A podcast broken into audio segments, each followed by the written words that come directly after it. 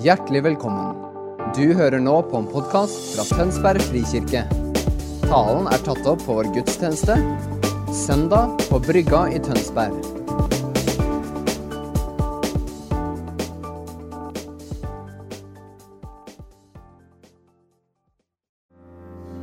Tusen, tusen takk, Jesus.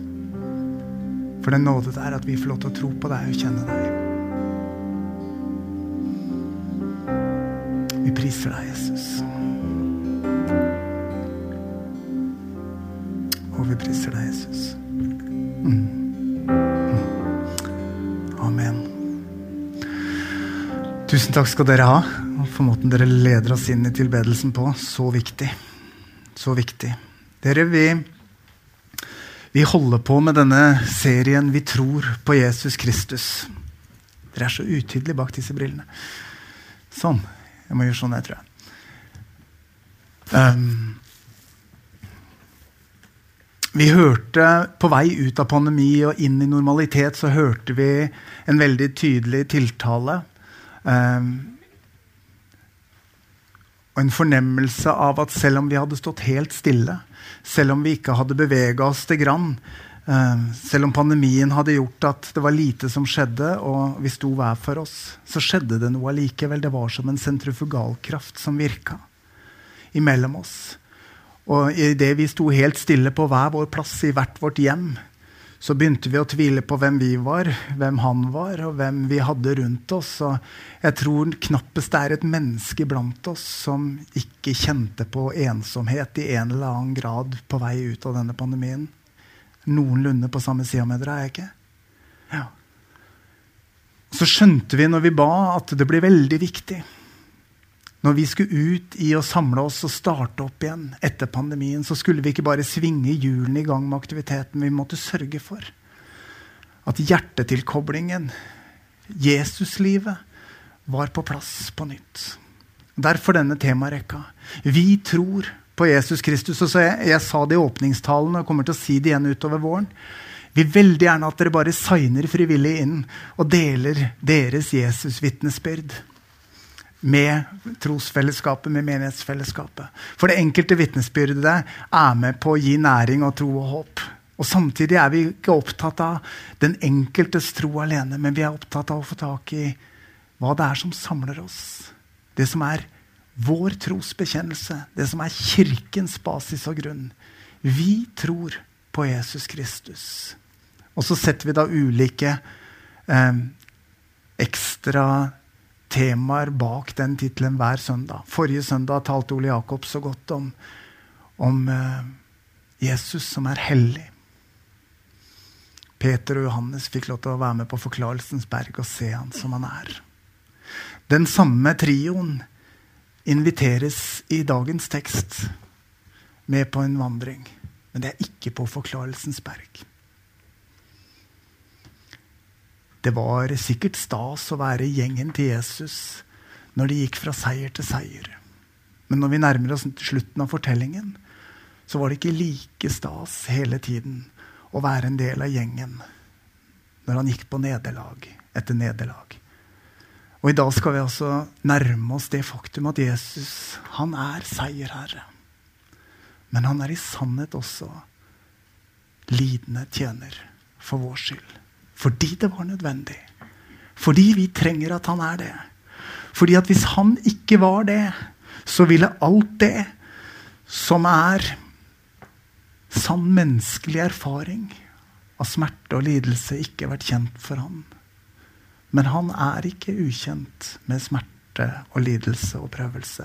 Han har vært i hver en krok. Han har båret all verdens smerte, all verdens nød. Og han er vel kjent med sykdom og plage. Så når du og jeg kommer til en plass hvor vi tenker ingen har det sånn som meg, jo da. Sikkert et par til. Og uansett så er det stedet du er på, ikke ukjent for han som har båret alt for å vinne alt. For å gi oss en adgang og en tilgang til liv. Liv og håp og fred.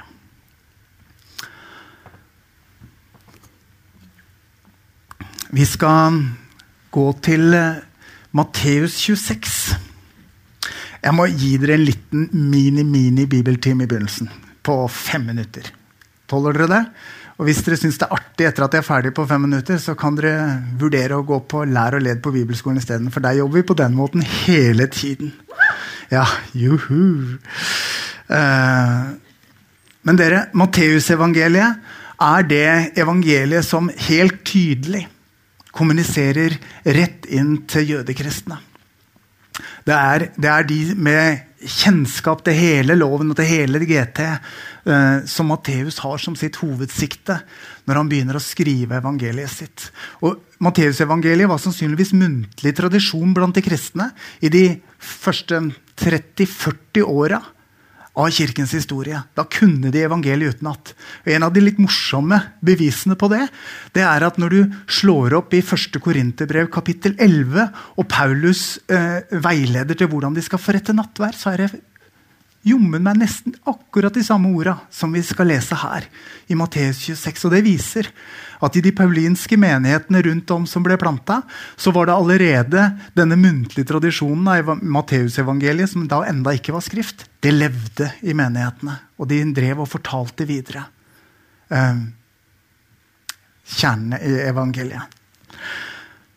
Matteus han viser at Jesus er oppfyllelsen av alle de tidligere rollemodellene i ordet. Og De av dere som har med Bibelen, må gjerne slå opp og finne Matteus og begynnelsen av Matteus. Skal vi bare blafre litt framover og se. Matteus er opptatt av at Jesus er fullbyrdelsen av det Moses var for den gamle pakts folk. Han er utfrieren. Matteus er opptatt av at Jesus er det David var for den gamle pakt. Frelserkongen, krigerkongen. Og han er opptatt av at det løftet som, som vi finner i Jesaja, Jesaja 7 Gud med oss, Immanuel, det er sant om Jesus. Alt i Gammeltestamentet peker fram mot Jesus Kristus.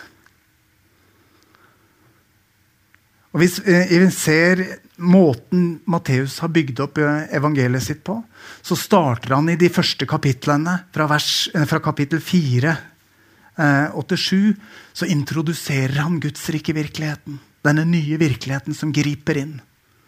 Og når han er ferdig med å undervise den, så ser vi fra kapittel 8 til 10, så demonstrerer han denne virkeligheten med tegn og under og mirakler.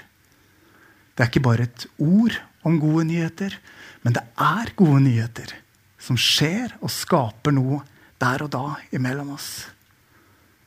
Fra kapittel 14 til 20 så ser vi at Jesus begynner å demonstrere at dette er et annerledes rike, og folk skjønner ingenting. Han kommer ridende inn på et esel. Jesaja 53 og bildet av Messias som den lidende tjener trer fram i Matteusevangeliet også. Og Fra kapittel 21 til kapittel 25 forteller Matteus hele veien om møtene mellom Jesus og fariseerne. Forskjellen på den forventningen de hadde til en befrier og en, en som skulle løse Israels utfordringer politisk og militært. Og den kongen han var som kom med frihet, men det var en annen type frihet, og han gikk en annen vei.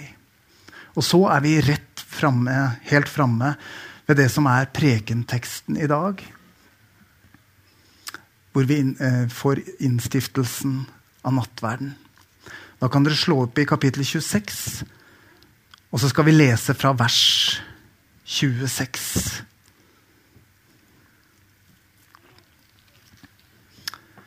Mens de holdt måltid, tok Jesus et brød, takket, brøt ga disiplene og sa, 'Ta imot og spis'. Dette er min kropp. Og han tok et beger, takket, ga dem alle og sa, 'Drikk alle av det, for dette er mitt blod, paktens blod, som blir utøst for mange så syndene blir tilgitt.' Jeg sier dere, fra nå av skal jeg ikke drikke denne frukten av vintreet før den dagen jeg drikker den ny sammen med dere i min fars rike. Da de hadde sunget lovsangen, gikk de ut på Oljeberget, og Jesus sier da til dem.: I natt kommer dere alle til å falle fra og vende dere bort fra meg, for det står skrevet:" Jeg skal slå gjeteren, og sauene skal bli spredt. Men etter at jeg har stått opp, skal jeg gå i forveien for dere til Galilea. Peter tok til orde og sa, om så alle vender seg bort fra deg, kommer aldri jeg til å gjøre det.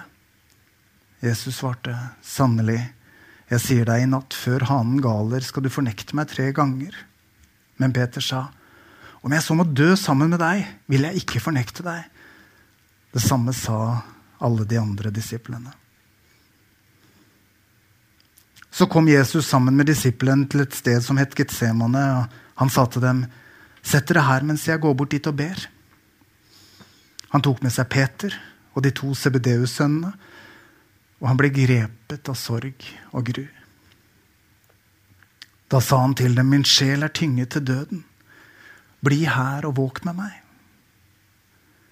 Han gikk et like, lite stykke fram, kasta seg ned med ansiktet mot jorda og ba, min far, er det mulig, så la dette begeret gå meg forbi. Men ikke som jeg vil, bare som du vil. Da han kom til da, tilbake til disiplene, fant han dem sovende. Og han sa til Peter, så klarte dere ikke å våke med meg en eneste time. Våk og be om at dere ikke må komme i fristelse. Om den er villig, men kroppen er svak. Igjen for andre gang gikk han bort og ba, min far, om ikke dette begeret kan gå meg forbi, og jeg må drikke det, så la din vilje skje. Da han kom tilbake, fant han dem igjen sovende, for øynene deres var tunge av søvn. Nå forlot han dem og gikk bort på ny og ba dem den samme bønnen for tredje gang. Så kom han tilbake til disiplene og sa, dere sover og hviler fremdeles. Nå er stunden kommet da menneskesønnen skal overgis i synderhender. Stå opp, la oss gå. Han som forråder meg, er nær. Og mens han ennå talte, kom Judas, en av de tolv, og med han en stor flokk som var væpnet med sverd og stokker. De kom fra overprestene og folkets eldste. Forræderen hadde avtalt et tegn med dem. Den jeg kysser, han er det. Grip han. Han gikk straks bort til Jesus og sa, Vær hilset, rabbi, og kysset ham. Men Jesus sa til ham, Venn, nå har du gjort ditt. Da kom også de andre til og la hånd på Jesus og tok ham til fange. Slik lyder Herrens ord.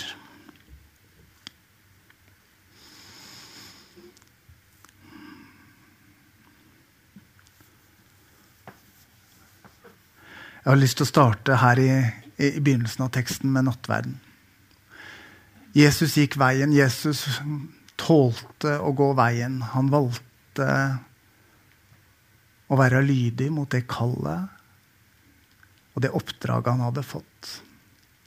Helt i begynnelsen eh, av sin tjeneste, når han fristes og prøves av djevelen i begynnelsen av evangeliet, så er det nettopp fristelsen til å bruke sin guddomsmakt, til å steppe ut av det kallet han har, som er fristelsen. Men Jesus vender Guds ord til forsvar for det han er kalt til. Han blir stående. Han faller ikke. Og også her, på slutten, så er det nettopp enda en gang lydigheten han demonstrerer til å gå veien for oss fordi det er nødvendig. Når Jesus sitter her og tar tak i vinen og brødet, så redefinerer han påskemåltidet. Som disiplene tenkte at de skulle feire. Utfrielsesmåltidet, feiringa at de fikk komme ut av Egypt. Hvor vinen den pleide å bety eh, Symbolisere håpet om løfteslandet hvor eh, det bugna av melk og honning, og hvor det vella over av, av frukt og hvor det skulle være velstand. Men når Jesus løfter kalken, så sier han dette er mitt blod. paktens blod som utøses for dere. Og fra da av og helt fram til vi feirer nattverden nå i 2022, så redefineres dette måltidet. Og så plasserer Jesus seg sjøl i sentrum av dette måltidet. Han snakker om at brød er hans kropp, og han snakker om at vinen er hans blod. Paktens blod som utøses for mange til syndenes forlatelse. Det jødiske påskemåltidet handla ikke om det. Men den kristne nattverden har for alltid bare handla om det. Den handler om hvem Jesus er, hva Jesus ga, for at han så kan gi til oss. Nåde og tilgivelse. Kraft til å stå oppreist. Gjenopprettelse der noe er gått i stykker nytt liv som vi trenger.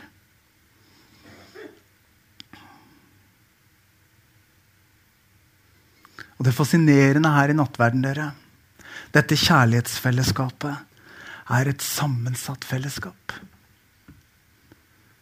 Når Jesus innstifter nattverden, kjærlighetsmåltidet, så har Judas plass rundt bordet. Når Jesus innstifter nattverden, så sitter Peter der. Han som lover høyt og hellig at han ikke skal svikte. Bare litt senere så svikter de alle sammen. Og dere, dette står for alltid siden, da.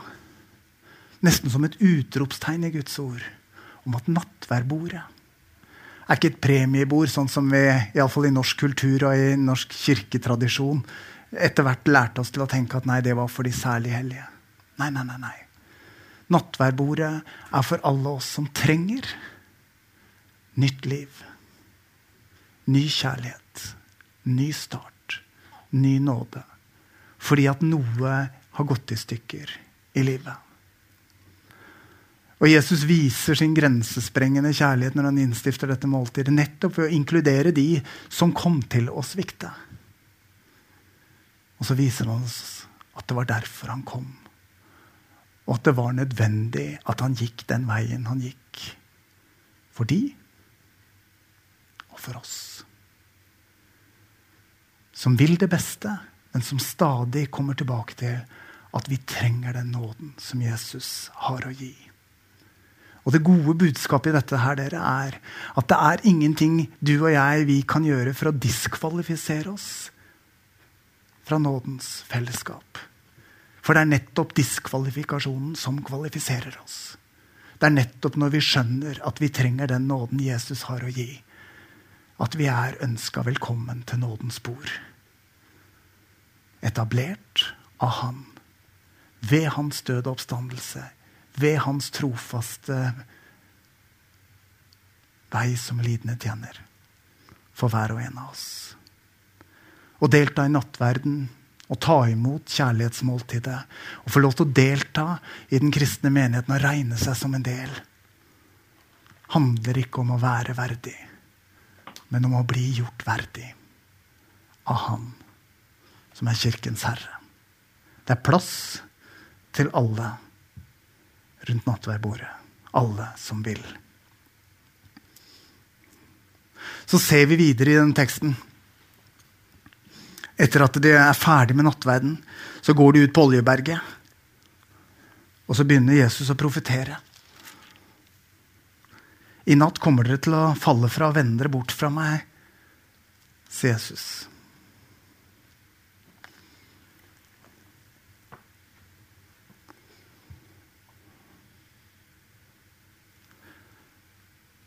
Litt tidligere så har Peter spurt vil dere også gå bort.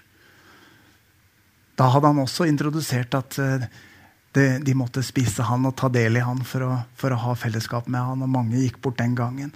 Den gangen svarte Jesus, og det finner vi i Johannes 6, hvem skal vi gå til, Herre? Du er det levende. Du er det levende ordet. Eh, du er det evige livsord, mener jeg. Og vi tror og vet at du er Guds hellige. Men nå på tampen så blir det allikevel krevende. Det fascinerende her når Jesus profeterer Dere skal vende dere bort, men etter at jeg har stått opp, så skal jeg gå i forveien for dere til Galilea. Hvorfor, hvorfor i all verden til Galilea, liksom? Noen som vil forsøke seg? Hvorfor til Galilea? Hva er det som er helt grunnleggende for oss mennesker, dere? Når vi har feila, når vi har bomma, når vi har mislykkes, hva gjør vi da? Ja, da enten faller vi tilbake i uvanene våre, eller så faller vi tilbake til rutinene våre, eller så faller vi tilbake på de, det vi i hvert fall vet vi kan. Og det Jesus visste, som er helt naturlig, er at når disiplene går gjennom denne krisen Først sviker han, fornekter han. Dernest ser han død og tenker at det var det. Hva gjør vi da? Ok, vi kan i alle fall fiske. I boka så er vi jo litt i tvil om de kan det også, for de fikk jo ingenting. Men det var i hvert fall det de gjorde. Når alt håp var ute, så venter de bare tilbake til det de i hvert fall kunne. De kan rense garn, de kan sette båten på sjøen, de kan kaste garn i sjøen. Dette får vi til. Så profeterer Jesus før det har skjedd. Dere kommer til å vende, til, vende dere bort fra meg. Men jeg kommer til å gå foran dere og være der når dere vender tilbake til det punktet hvor dere tenker alt er tapt. Hører dere himmelens kjærlige invitasjon? Når du og jeg tenker at nå er alt håp ute nå har jeg misbrukt mine sjanser. Nå har jeg vendt meg bort. Jeg har tona ned. Jeg har dempa min kristne bekjennelse. Jeg har valgt å eh, vende meg bort på et eller annet vis. Det kan ha vært steg for steg, bit for bit. Kanskje var det bedre for karrieren å ikke nevne så mye om kirke og Jesus. Eh, Kanskje var det andre ting som gjorde at du kjente at ah, der kunne jeg ha steppa opp og steppa fram, men istedenfor steppa jeg ned og gikk til side. Uansett så sier dette ordet oss noe, dere, om at Jesus, han veit. Han er lidende tjener. Han vet at vi av og til brister. Og når vi brister og prøver å finne vår egen vei tilbake der vi i hvert fall vet at vi får til noe, så vil han møte deg og meg der. Og så møter han oss midt i vår hverdag. Enten det er læreren eller advokaten eller det er bonden eller hva det nå enn måtte være vi er. Og så inviterer han oss til å koble på igjen. Akkurat som han gjorde med disiplene. Hvorfor Galilea? Jo, tilbake til det som er naturlig for deg og meg. Men de disiplene fortsatte ikke å fiske. De hadde satt en kurs for livet, og de fikk den kursen satt på nytt. Sammen med Jesus. Vi, når vi har sagt ja til Jesus, dere, så har vi fått en kurs for livet. Vi har sagt ja til en retning for livet. Vi har sagt ja til å leve med han og for han, og bringe hans nåde og kjærlighet ut til denne verden. Vi har sagt ja til å stå rotfesta i kjærlighet og komme til han på nytt når vi kjenner at vi trenger ny nåde fordi at en relasjon har blitt vanskelig, fordi at en omstendighet har blitt vanskelig, fordi at noe har blitt annerledes, så er det en ny nåde ifra Jesus. Så til slutt er vi i Getsemane. Jesus visste hva som venta ham.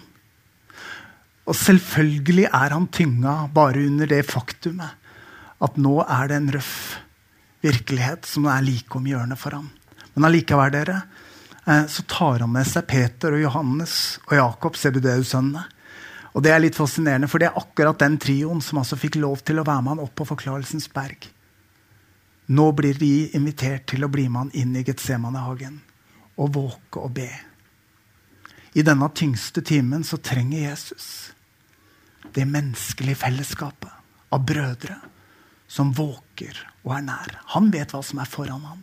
Han vet at ingen kan gå den veien han går. Men han trenger det fellesskapet rundt seg. Og så inviteres disse karene til å våke og be. Og så ser vi at Jesus består prøven. Hans bønn er Og dette kan vi lære noe av dere. Jesus er helt åpen på at hvis det var mulig, så så han gjerne at det fantes en annen vei. Når vi er i noen eh, situasjoner som er vanskelige for oss, så trenger ikke vi kamuflere det.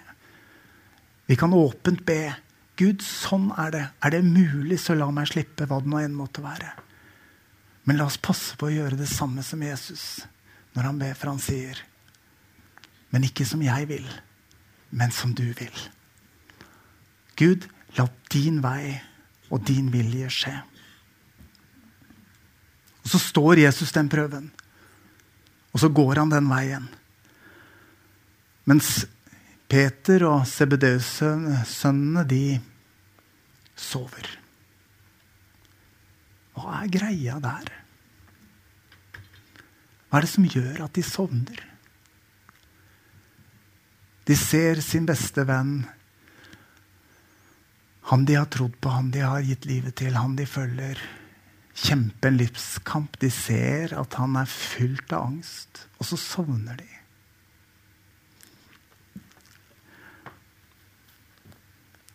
Det er min erfaring fra mange timer i bønnerommet dere at under sterkt åndelig trykk så kan søvnen komme som den merkeligste, rareste effekt. Der vi egentlig burde være våkne og be bønner og kjempe kampen, så kommer søvnen på en helt forunderlig måte. Jeg tror denne natta var en natt. Vi kan kjenne på det åndelige klimaet. Alle som er varig i bønn, kjenner at når verden trues av krig, så gjør det også noe med den, det åndelige trykket og den åndelige virkeligheten. Denne første, denne påskenatta, eller denne natta i Getsemane, så var det et åndelig spill som var satt i scene. Og et åndelig trykk. Det kan du være helt sikker på. Og de sovner rett og slett under tyngden av all den ondskap som bare Jesus kunne bære. Og Jesus blir stående, og han bærer. Og dere, når vi planla denne temaserien, så visste vi ingenting om hvor vi skulle være i, i verden og i hva som skulle skje syv, eh, denne uka som vi har lagt bak oss. Men, men teksten er ganske betimelig. I denne tida, dere, så kalles vi som et Guds folk til å våke og til å be. Sammen med Jesus. Han som ber for hver og en av oss. Han som bar all verdens nød. All verdens plage. Alt som er mørkt. Han var villig til å bære det. Han gikk veien, og han vant seier. Men nå, på vår vakt i 2022, så er fortsatt Jesu invitasjon der. Våg og be med meg. Våg og be med meg. For han våker og ber over hele denne verden. Han gråter over alt som er imot sannhet, rett og rettferd, liv og fred. Og han inviterer oss til å våke med. Og jeg, når jeg forberedte meg, så, så kom det en, en, salme som ikke er så gammel, av Svein Ellingsen, opp i meg. Eh, som jeg har lyst til å lese for dere nå helt på slutten. Noen ganger, dere, når logikken og resonnementene ikke tar oss fram, når det helt umulige og umenneskelige skjer, og vi ser at siviliserte land går til krig på hverandre, som vi er vitner om akkurat nå, så er det logiske resonnementet ikke så lett å følge. Da tyr vi av og til til diktningen og til poesien for å holde de tingene som er sant, sant, uten at de nødvendigvis må gå opp. Og jeg syns Svein Ellingsen har grepet noe i denne sangen som, eh, som jeg vil lese som en bønn til avslutning i dag. Noen må våke i verdens natt. Noen må tro i mørket. Noen må være de svakes bror. Gud, la din vilje skje på jord. Hjelp oss å følge ditt bud. Noen må bære en annens nød. Noen må vise mildhet. Noen må kjempe for andres rett. Gud, la ditt rikes tegn bli sett. Hjelp oss å følge ditt bud. Herre, du våker i verdens natt. Herre, du bor i mørket. Herre, du viser oss Kristi dag, selv under livets tyngste slag. Er vi hos deg, du vår Gud? Takk, Jesus, for at du er vår lidende tjener. Du er Immanuel, Gud med oss, akkurat nå. Se i nåde til oss her i Tønsberg frikirke til våre liv og til våre omstendigheter. Se i nåde til vår verden. La ditt lys og din sannhet og din kraft stråle fram, så mørket mister sin makt i våre liv og i vår tid. Det ber vi deg om, Jesus. Amen. Takk for at du hørte på vår podkast. Har du spørsmål eller ønsker du å vite mer? Søk oss på vår nettside tonsbergfrikirke.no. Du er også velkommen til kirke på Brygga i Tønsberg.